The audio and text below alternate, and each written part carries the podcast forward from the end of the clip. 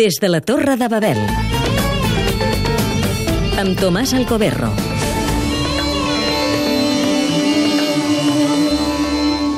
Per culpa de la guerra, no podran viatjar a Damasc.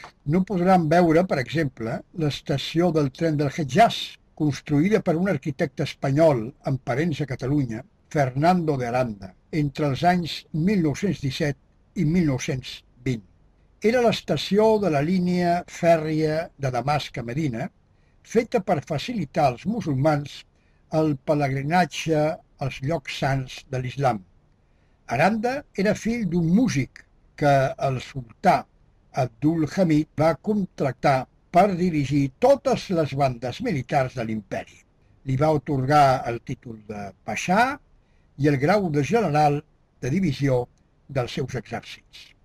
Fernando d'Aranda va viure l'ambient sumptuós de la cort d'Istanbul, als anys de la decadència de l'imperi i a les seves acaballes es va traslladar a Damasc, mentre el seu pare, amb la seva família, es van establir a Barcelona.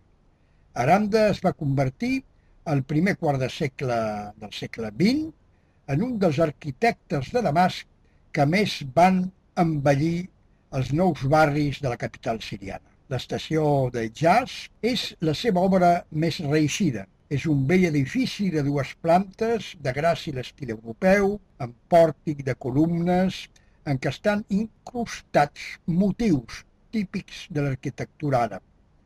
Va fer importar les rajoles de la façana de Talavera de la Reina. Fa temps que l'estació, al centre de la ciutat, prop del basar de Hamerie, ha quedat desafectada. Se li atribueixen altres edificis destacats com la Casa Abed, la Universitat, el Banc Comercial de Síria, a més d'algunes mesquites. Una certa llegenda envolta la seva vida. Durant la Primera Guerra Mundial va ser vicecònsul honorari d'Espanya amb la missió de protegir els europeus que es van quedar a l'antiga ciutat dels Someies.